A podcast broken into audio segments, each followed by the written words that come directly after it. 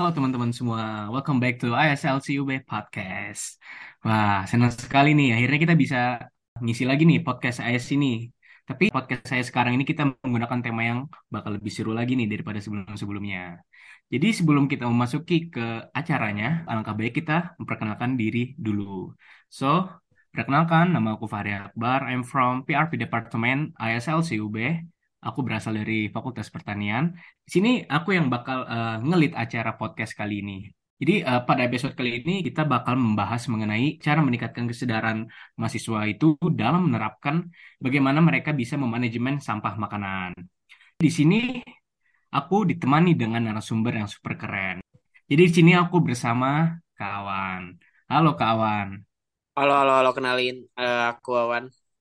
By the way kak, kawa- kawan ini dari mana nih kak? Dari fakultas mana? Angkatan berapa kak? Oke, kenalin lagi. Aku Awan dari Fakultas Pertanian Angkatan 2019. Wah, 2019 nih. Berarti udah lumayan ini nih kakaknya udah banyak pengalaman nih di pertanian-pertanian nih. Jadi di sini eh, aku mau nanya nih. Pertama itu kesibukan kakak sekarang ini gimana ya kak? Udah di- jadi angkatan 19 nih. Mungkin udah mulai menggarap skripsi atau gimana nih kak? Oh iya, benar banget. Eh, kesibukan aku hari ini overall karena udah nggak ada mata kuliah lagi yang diambil. Jadi eh, lagi nyiapin skripsi aja untuk nulis-nulis proposal, ACC-an, dan juga revisian. Juga lagi sibuk buat ngikutin acara, banyak acara iya sih akhir-akhir ini nih.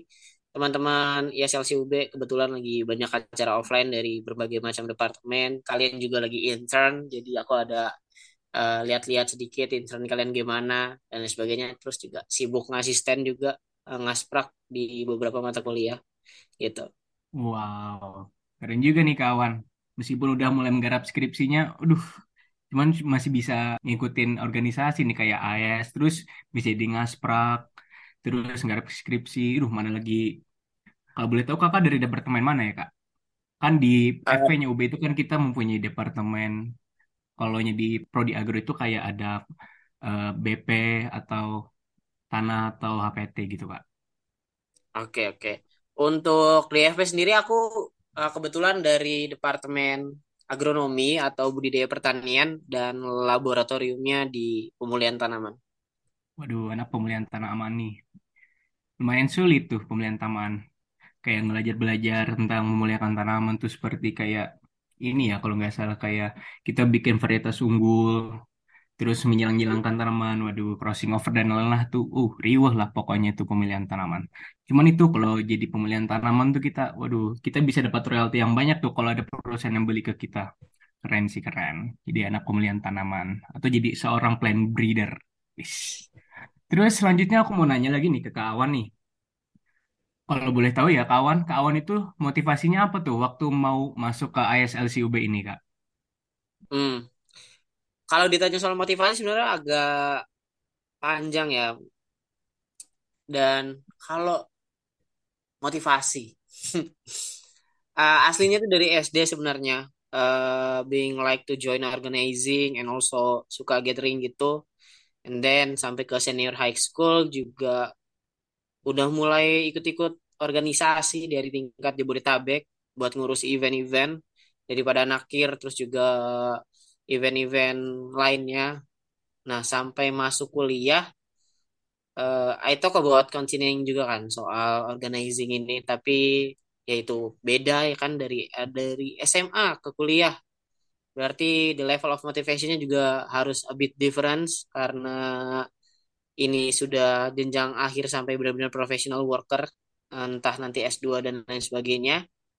Dan ketika itu kan aku masih maba, terus juga dari FP juga sama ya kan. Kita tahu nih kalau FP tuh nerima lumayan banyak mahasiswa, sekitar ratusan gitu dan nanti juga yang lulus juga ratusan and then uh, I think kalau ya kan kalau misalnya mikir oh gila banget nih ratusan sarjana pertanian dan dari UB nanti juga ada tambahan dari kampus lain. Terus tiba-tiba nyeletuk bareng sama cutting lain kira-kira nanti uh, what makes me different gitu dari another graduate lainnya apa yang bisa value nih yang bisa mungkin beda secara kurikulum dari sarjana lainnya? Karena kalau misalnya kita nggak ngapa-ngapain terus sama aja nih daripada sarjana lain kita nggak punya another thing to sell di company ataupun di mana.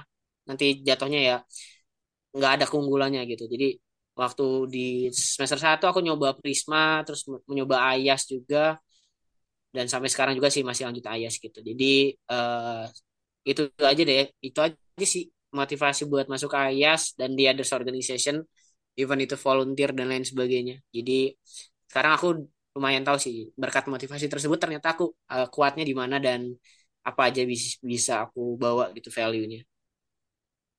Wow, wow, wow, wow, wow, keren sekali nih kawan. Gitu. Udah dari SD tuh suka hal-hal yang berbau organisasi. Karena menurut kawan kan kayak tadi, kalau organisasi itu kayak bikin kita jadi tahu apa yang kita punya power dalam diri kita gitu kan. Kalau gue sih kayaknya lebih beda dikit ya motivasi aku jadi bisa masuk ke ASLCUB. Sebenarnya aku uh, kemarin itu ada ikut organisasi, cuman organisasi tersebut kayak mau ngebahas juga itu tentang kebijakan-kebijakan luar negeri. Tapi pada bulan ini atau tahun uh, bulan depan aku bakal demis gitu. Jadi aku itu kayak mau ngasih ngasah lagi, cuman uh, ngasahnya itu secara spesifik itu. Jadi aku mau masuk ke ISLCUB, jadi aku bakal lebih tahu lebih spesifik tentang apa yang aku pelajari di kuliah juga. Jadi tentang pertanian gitu, tapi menyeluruh ke seluruh dunia. Oke, oke. By the way, Kak, Kakak tahu nggak kalau akhir-akhir ini kan banyak juga di berita kalau di Malang ini banyak fenomena banjir. Terus kadang hujan deras banget. Terus tiba-tiba kolonya itu cuacanya tiba-tiba panas banget. Terus kakak kayaknya ngerasain hal kayak gitu juga kak kalau di Malang nggak? Hmm, di Malang ya. Sebenarnya kalau di Malang Hmm, ngerasain banget ya barusan banget nggak sih? Hujan badai, iya hujan angin. Terus salah satu betul. bangunan di fakultas kita roboh ya. Eh secara nggak lama sih mas, sejam dua jam, tapi ternyata udah lumayan tinggi ya intensitas dari hujan badainya gitu. Iya betul sekali sampai gedung kita udah jadi korban dari hujan tadi ya kak. Iya ya. Kalau nggak salah aku ada lihat nih di sosial media itu kalau di kondisi lingkungan kita saat ini kan eh kayak bakal ada kaitannya tuh dengan pemanasan global. Apalagi kan itu udah baru dibaca, dibicarakan banget kan waktu G20 kemarin. Menurut kakak itu gimana tuh kak kondisi lingkungan kita terhadap eh, kaitannya itu dengan pemanasan global gitu kak? Oke oke. Iya, kamu cukup ini ya up to date soal G20 ya bener banget. Soal di environment crisis and also G20 yang kemarin salah satu rangkaiannya kalau nggak salah soal food loss and waste di bidang agrikultur tuh di Indonesia. Eh, banyak banget hal yang bisa bikin lingkungan atau memperparah bukan climate change lagi ya tapi kita lebih mulai membiasakan pakai kata crisis biar urgensinya kerasa gitu jadi salah satu penyebab eh, climate crisis yang kemarin dibahas di rangkaian G20 itu salah satunya eh, ada di panel food loss and waste terutama di bagian makanan-makanan di Indonesia ternyata setelah diteliti ya sama beberapa researchers ternyata 13% tuh sampah makanan kebuang di Indonesia gitu. Jadi baik itu sampah makanan ataupun sampah-sampah dari lainnya. Kayak baju, tekstil, eh, plastik terutama. Waduh, sekarang bukan lagi eh, pemanasan global lagi ya kak, udah krisis ya kak. Terus sampah Iya. banyak udah kebuang ke Indonesia 13% kata kakak tadi. Terus sekarang aku mau nanya secara lebih spesifik lagi ya kak. Cuman ini kita akan eh, menaruh pembicaraan kita ini ke dalam lingkup Universitas Brawijaya. Eh, menurut kakak, bagaimana nih pendapat kakak terkait kondisi lingkungan di Universitas Brawijaya saat ini? Apakah jenis yang sampah paling banyak mendominasi yang di UB itu seperti apa, seperti apa gitu ya kak? Iya, untuk jenis sampah dan kondisi lingkungan di UB overall sih aku udah lihat UB itu udah bersih-bersih aja ya, kayak dari plastik dan sebagainya. Mungkin bakalan sedikit chaos ketika ada wisuda gitu. Biasanya kalau habis wisuda tuh banyak sampah yang berkeliaran baik itu di lapangan rektorat ataupun di jajaran-jajaran kantin gitu. Cuman selain daripada sampah-sampah plastik di wisuda ataupun di tempat-tempat lain, kadang ada hal yang kita loss gitu daripada pandangan kita itu dari sampah makanan yang disebabkan eh, teman-teman gitu. Dari entah dari CL dari kantin Gria ataupun dari kantin-kantin fakulti lain kan itu nggak bakalan terlalu terlihat ya. Secara kasat mata mungkin kalau plastik bisa nih kita lihat di jalan tapi kalau food loss atau sampah makanan tuh kita cuma bisa lihat di piring kita Terus sudah itu sampah tersebut masuknya ke tong sampah memang ke tong sampah tapi eh, tetap aja jatuhnya lebih banyak daripada sampah plastik sebenarnya gitu. Hmm, Betul nih. Menurut kakak jadi kayak jenis yang paling mendominasi pada di kampus kita nih itu mengarah pada sampah makanan. Jadi seperti sampah makan kita lihat itu kayak cuma dibuang ke sampah doang. Cuman kurangnya jadi kita tidak tahu bakal dikemanain sampah tersebut. Oke. Terus aku mau nanya lagi nih tentang faktor peningkatan jumlah sampah makanan yang ada di UB. Menurut kakak faktornya itu apa yang jadi meningkatkan jumlah sampah makanan di UB? Terus dampaknya itu apa bagi kita di masa depan yang akan datang itu? Oh, ya ya. Berdasarkan pengamatan dan juga ini pengamatan secara tongkrongan kita aja ya. Lagi main di CL terus kita eh, lihat teman-teman dan lain sebagainya. Soalnya banyak banget faktor yang bisa nyebabin peningkatan makanan di eh, UB ini. Yang pertama dari teman-teman mahasiswanya juga sih. Kayak kita lagi makan tiba-tiba ada kelas harusnya diselesaikan dulu tiba-tiba setengah. Cuman setengah doang kita habisin. Kadang juga teman-teman lagi makan bla bla bla bla tapi nggak dihabisin karena ya memang kurang cocok ataupun mesen makanannya juga ngikutin teman gitu. Kadang juga ada beberapa kan kita beli makanan ya paketan dan sebagainya. Nah itu karena paketan dan nggak bisa kita kurangin kita agak lupa nih buat teman-teman kayak "Eh, Bu Pak nggak pakai ini ya. Tapi eh, kita nggak ngomong itu setelah datang ke meja makan akhirnya ya itu akhirnya kayak misalnya timun dan sebagainya nggak dimakan ya timun bayam-bayaman. Itu sih yang menurutku kenapa peningkatan jumlah di UB itu juga eh, semakin meningkat terutama kita udah mulai offline lagi ya. Jadi jumlah mahasiswa semakin hari semakin meningkat gitu eh, aktivitasnya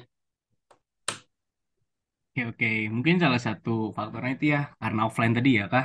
Karena dari offline ini kan eh, mahasiswa-mahasiswa itu udah pada ke kampus semua belajar, terus ke kantin, terus mereka lupa gitu bakal eh, makanan apa yang mereka makan itu kalau nggak suka mereka biarkan saja di piring-piring mereka. Betul sih. Terus selanjutnya itu aku mau nanya, kan kita udah tahu kan udah kayak banyak kan kayak gerakan-gerakan pengurangan sampah makanan di Indonesia ini.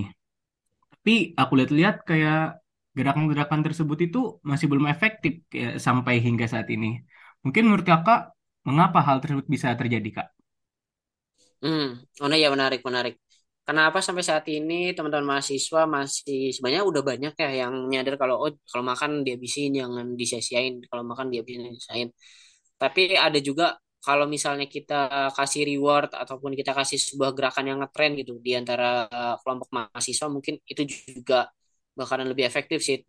Dan yang bikin masih belum efektif tuh kembali lagi sih lebih ke FOMO-nya teman-teman ya. Jadi kadang kita FOMO uh, kayak uh, banyak banget diskon dari campaign atau hidden games gitu-gitu atau kadang-kadang ada kan yang food you must try di sinilah di sinilah gitu jadi banyak sekali uh, kampanye marketing yang terjadi sehingga kadang-kadang minat untuk menanggulangi sampah makanan itu uh, kalah sama keinginan FOMO-nya gitu Hmm. Jadi salah faktornya ini lebih ke FOMOan dari orang-orang tersendiri ya, Kak. Jadi bagaimana cara iya mereka iya. ya ngehandle diri mereka agar tidak ketinggalan gitu sama orang-orang yang lain juga gitu ya, Kak. Oke. hmm. Terus selanjutnya Se- Menurut kakak ya, seberapa penting peran dari mahasiswa UB ini untuk bisa mengatasi isu lingkungan di kampus ini? Apakah mungkin bisa mempunyai pengaruh yang sangat besar dalam pengurangan sampah pada lingkungan kita itu, lingkungan UB? Oke, oke. Sebenarnya penting banget ya untuk teman-teman mahasiswa eh, lebih menggerakkan lagi kampanye daripada pembuangan sampah ataupun mengurangi sampah makanan karena bagaimanapun juga mayoritas dari siklus makanan di UB itu yang gerakin itu teman-teman mahasiswa gitu. Jadi eh, kalau ada perubahan meskipun sedikit itu bisa dimulai sebenarnya dari teman-teman mahasiswa gitu, bukan dari entah ibu kantin dan lain sebagainya itu mungkin sekunder ya, tapi primernya tuh masih teman-teman mahasiswa sebagai konsumen utama, sebagai penggerak utama ataupun sebagai eh, tokoh utama di Universitas Brawijaya. Oke, benar sekali dari sepertinya dari kawan itu. Jadi peran mahasiswa itu sangat lumayan sangat penting ya Kak untuk buat mengatasi hal ini karena dari mahasiswa sendirilah yang dikatakan orang-orang itu sebagai agent of change yang bisa membawa pengaruh besar untuk eh, kehidupan di lingkup eh, lingkungan kampus kita sendiri juga. Oke, bagus sih itu pendapat dari kawan. Terus selanjutnya aku mau nanya lagi nih. Menurut kakak, cara untuk bisa meningkatkan kesadaran mahasiswa itu untuk mengurangi sampah makanan bagaimana ya kak? Hmm. Ini bisa dijawab dari jawabanku tadi yang terkait ke FOMOan teman-teman. Baik lagi FOMO itu nanti akan meningkatkan trendy ya di sosial media dan lain sebagainya. Jadi kalau ditanya nih kira-kira apa eh, cara supaya bisa meningkatkan untuk kesadaran mahasiswa di lingkungan UB itu, kita buat sesuatu yang trendy yang bisa dibuat sama teman-teman dan ketika sampai ke teman-teman mahasiswa, ketika mereka melihat, ketika mereka melihat itu, terus mereka think kalau eh, mereka keren dan mungkin eh, mengikuti trendy dan lain sebagainya gitu sih. Jadi untuk meningkatkannya dari mahasiswa sendiri ya kak, agar bisa mereka Hmm, bisa eh, mener menerbelakangi FOMO-nya mereka itu.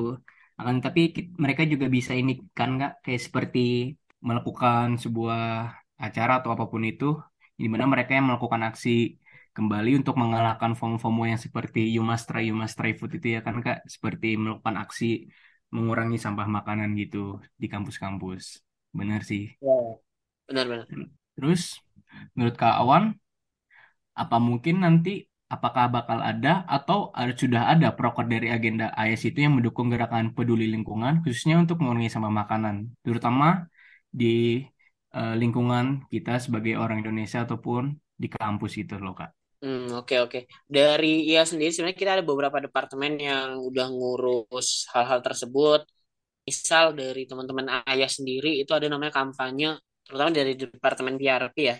Itu ada Snapfood, itu semacam kampanye dari teman-teman ketika teman-teman beli makanan, itu teman-teman foto dulu nih. Jadi mekanisme kampanye itu teman-teman bisa foto dulu before kalian konsum that food, difoto dulu, terus sesudah kalian konsum that food, udah eat dan lain sebagainya, itu kalian foto lagi. Jadi before after daripada snap foodnya bisa diupload di sosial media dan sebagainya. Dari teman-teman STD juga kadang uh, buat beberapa konten dan juga aksi terkait lingkungan khususnya juga sampah makanan ya gimana dampaknya melakukan kajian sampai uh, beberapa hari terakhir kalau nggak salah teman-teman STD terutama di magangnya itu lagi ngam- ngadain kampanye salah satunya penukaran sampah dengan uh, hal yang bervalue lain gitu jadi itu sih dari IAS sendiri untuk bantu uh, mendukung gerakan peduli lingkungan. Oke, oke. Berarti sudah ada ya proker dari AS itu buat melakukan gerakan peduli lingkungan. Oke, keren-keren. Jadi kita sudah mencapai ujung acara nih, Kak. Jadi menurut Kakak, apakah ada closing statement yang penting bagi Kakak untuk membangkitkan kesadaran kita dalam mengurangi sampah makanan? Iya ya. Eh, menurutku ya, eh, pada dasarnya eh, dari kita tuh nggak ada yang mau buat buang sampah, nggak mau ada yang buang makanan. Itu sepenuhnya ada di eh, keinginan dari kita semua. Tapi kita juga harus eh, mulai responsibel dari apa yang kita beli dan apa yang harusnya kita habiskan gitu. Dari slogannya ya sendiri, Think Globally Quickly, kita udah sadar banget nih di, di secara global kita udah mulai ada isu pemanasan global, climate crisis, juga ada uh, di J20 tadi, food loss dan sebagainya.